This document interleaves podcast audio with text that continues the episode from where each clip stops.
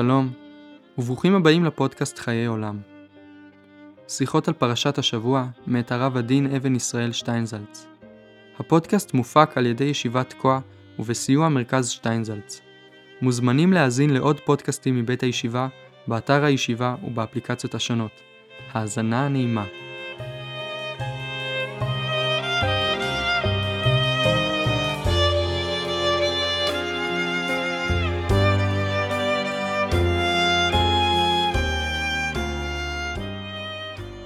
פרשת ויחי הקץ המכוסה יעקב קורא לבניו ואומר להם, האספו ואגידה לכם את אשר יקרא אתכם באחרית הימים. אלא שבפועל נבואתו של יעקב לא מגיעה לאחרית הימים ממש, אם כי היא מגיעה לזמנים רחוקים. דברי רש"י בנושא מפורסמים מאוד, האספו ואגידה לכם. ביקש לגלות את הקץ ונסתלקה ממנו שכינה והתחיל אומר דברים אחרים. יעקב אמנם לא הופך לאיש פשוט שאומר דברים פשוטים, הרי דבריו כאן הם דברי נבואה. אותם דברים אחרים שאומר יעקב לא מתייחסים לאחרית הימים ממש, אבל בכל זאת מדברים על העתיד הרחוק, בעוד מאות ואלפי שנים, ומכאן שסילוק השכינה האמור איננו סילוק גמור, והיא עדיין איתו בהיקף מסוים. נראה שיעקב מנסה לבקוע את מסך הדורות עד לאחרית הימים, וזה איננו בכוחו, והוא נעצר בשלב מסוים. אבל מדוע בעצם זה קורה לו? במדרשים כתוב שנופלת על יעקב אימה גדולה מבלי שבעצם הוא מבין מה קרה. הוא חושש ושואל את בניו, האם כולכם מאמינים? הם עונים לו, שמע ישראל, השם אלוקינו, השם אחד. כאשר קץ המשיח נסתר בפני יעקב, הוא התמלא חרדה שמא הוא לא הגיע למצב בו יש מכלול של שבטים, שכולם ראויים לברכה. לאחר תשובתם הוא מתנחם, ורוח הקודש שורה עליו. מכאן שההסתר הזה, המסך שעומד בפני יעקב, איננו מסך של חטא ולא מסך הנובע מפגם הבנים או מפגם עצמי. יעקב עומד בפני משהו אחר, שלא נותן לו לראות עד לאחרית הימים. זהו מקרה שמייחסים כיוצא בו להרבה אנשים. אדם רוצה ומשתוקק לחשוף או לדעת את הקץ, וזה נמנע ממנו.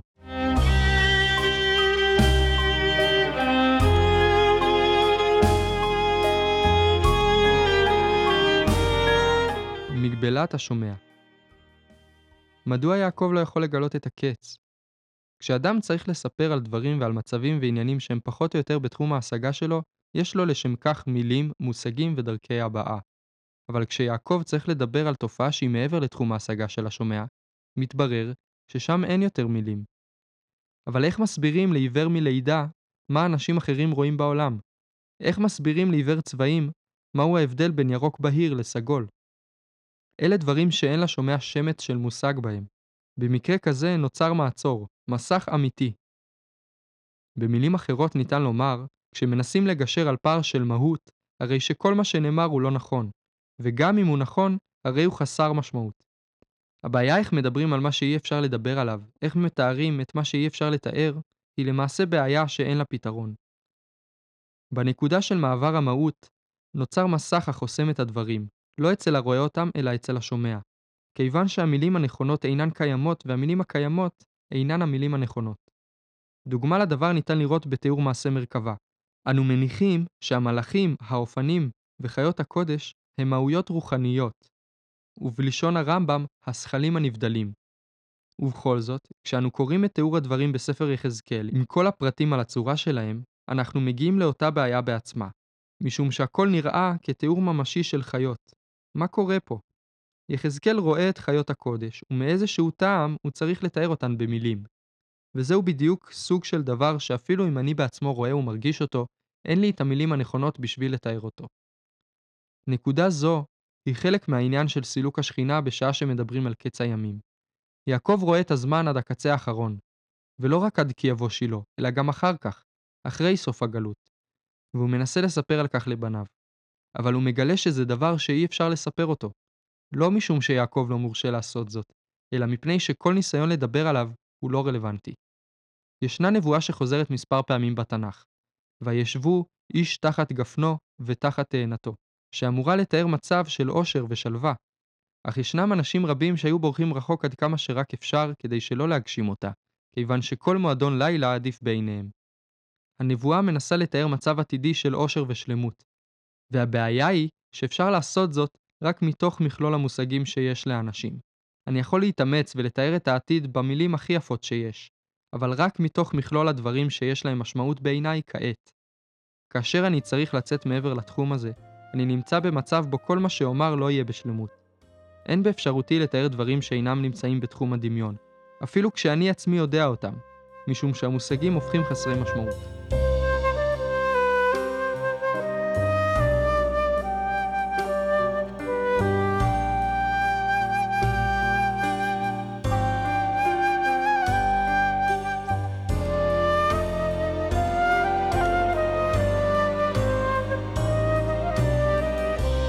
עין לא ראתה. יכולת ההתייחסות לאחרית הימים מוגבלת לא רק בגלל חסרונות הטבע האנושי, אלא גם בגלל דבר פנימי יותר. מגבלות של טבע המציאות. המציאות מאפשרת לי להתייחס רק לדברים ששייכים לאותו מישור הוויה, חוויה והתרחשות בו אני נמצא. כשם שאינני יכול להכניס חפץ גדול לכלי קיבול קטן, כך אינני יכול להכניס שום דבר לתוך כלי, מושג, תיאור או דמיון, שאיננו מסוגל לקלוט אותו. תפיסה זו מתבטאת בדברי חז"ל. כל הנביאים כולן לא נתנבאו אלא לימות המשיח, אבל לעולם הבא, עין לא ראתה אלוהים זולתך. אין שום נביא לא ראתה את מה שיעשה הקדוש ברוך הוא למי שמחכה לו, זולתי עינו של אלוהים. והגמרא שואלת על כך, מהי עין לא ראתה? אמר רבי יהושע בן לוי, זה יין המשומר בענביו מששת ימי בראשית. וכן נאמר, שהצדיקים לעתיד לבוא יאכלו את נקבת הלוויתן. גם יין המשומר בענביו מששת ימי בראשית, וגם לוויתן שמלאכו הקדוש ברוך הוא לצדיקים לעתיד לבוא, עוד בטרם היות אדם, שניהם דברים שמעולם לא היו בתחום החוויה האנושית. בתיאור הזה העתיד לבוא, אחרית הימים, נמצא מעבר לגבולות שלנו כבני אדם. זו הבטחה לדברים שמעולם לא ראינו. אחרית הימים זו תקופה שנמצאת מעבר לתחום ההשגה של העולם, ולא רק מעבר לתחום ההשגה שאני או האחרים יכולים לתפוס. היא נמצאת בתחום ההשגה של עין לא ראתה, שום עין אדם עדיין לא ראתה. זו תקופה הנמצאת מעבר לתחום ההכרה האנושי הקיים בזמן הזה ובמציאות הזו. כשאנחנו מדברים על הקצה האחרון, אנו מדברים על הבלתי נראה, הבלתי מושג והבלתי ניתן לקליטה. כשאני מדבר על מה יהיה, אני יכול להגיע עד לנקודה מסוימת, ומעבר לנקודה ההיא יש מסך, שגם מי שרואה דרכו לא יכול להעביר דרכו את הדברים. גם אם הצצתי, אני רואה דבר שאיני יכול לספר, כי אין לי למה להשוות אותו. בדורנו, בגלל השינויים הטכנולוגיים הרבים, אפשר לחוש טוב יותר את הפער בין מציאות העולם כיום למציאות של העתיד לבוא.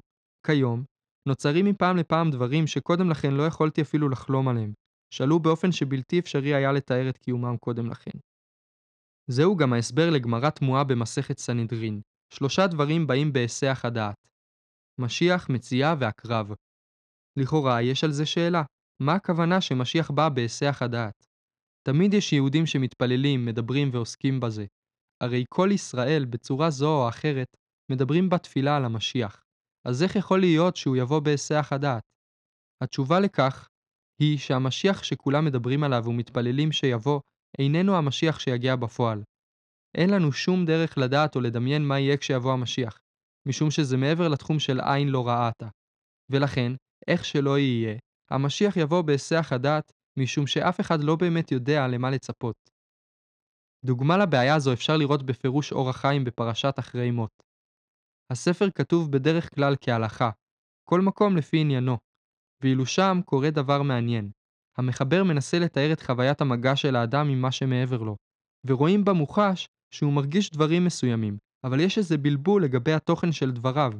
הבלבול הזה הוא תוצאה של חוסר היכולת להעביר את הדברים. זהו אותו מעצור שהיה לפני יעקב בבואו לגלות את הקץ. אותו מעצור שקיים בצורה מהותית בדברים הללו, ואין לו פתרון מלא עד את קץ.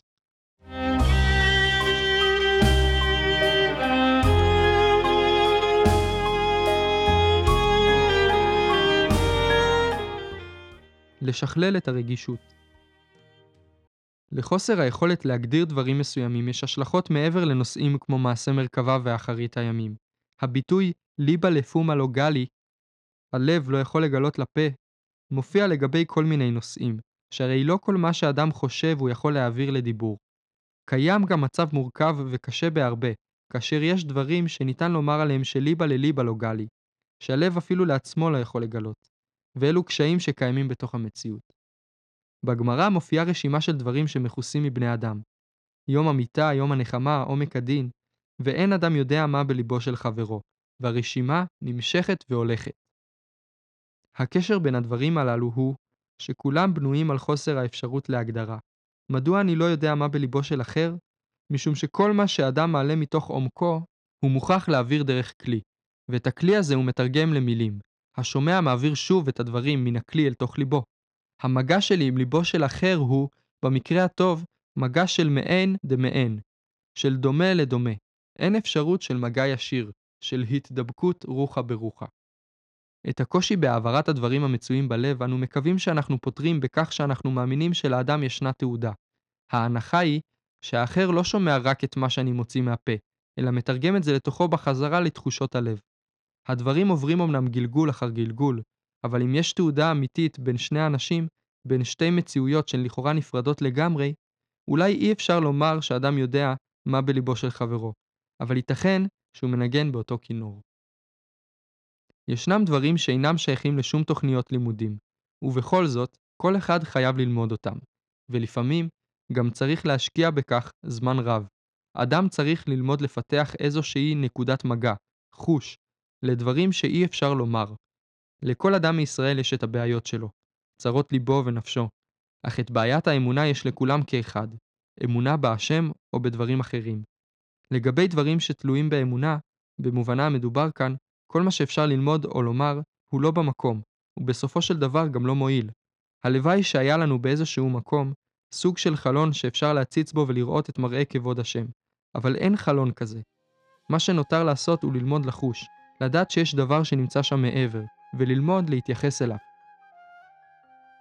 להגיע לכך שמעבר לידיעה הסתמית שיש דבר כזה, תהיה לי הרגישות לחוש שבצידו השני של הקצה והגבול שהגעתי אליו נמצא המשך לדברים.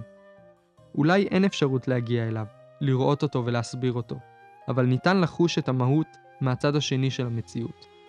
מי שלמד והצליח לשכלל דבר זה, למד את הדבר העיקרי שניתן לעשות בנושאים אלו, שהרי כל מה שאנחנו עושים בכל דרך של אמונה, מסתכם בסופו של דבר בידיעה שמעבר למקום שבו אני עדיין יודע, עומד הדבר שאיני יודע. מפני שגם את הדבר שעין לא ראתה, אפשר ללמוד ולהרגיש.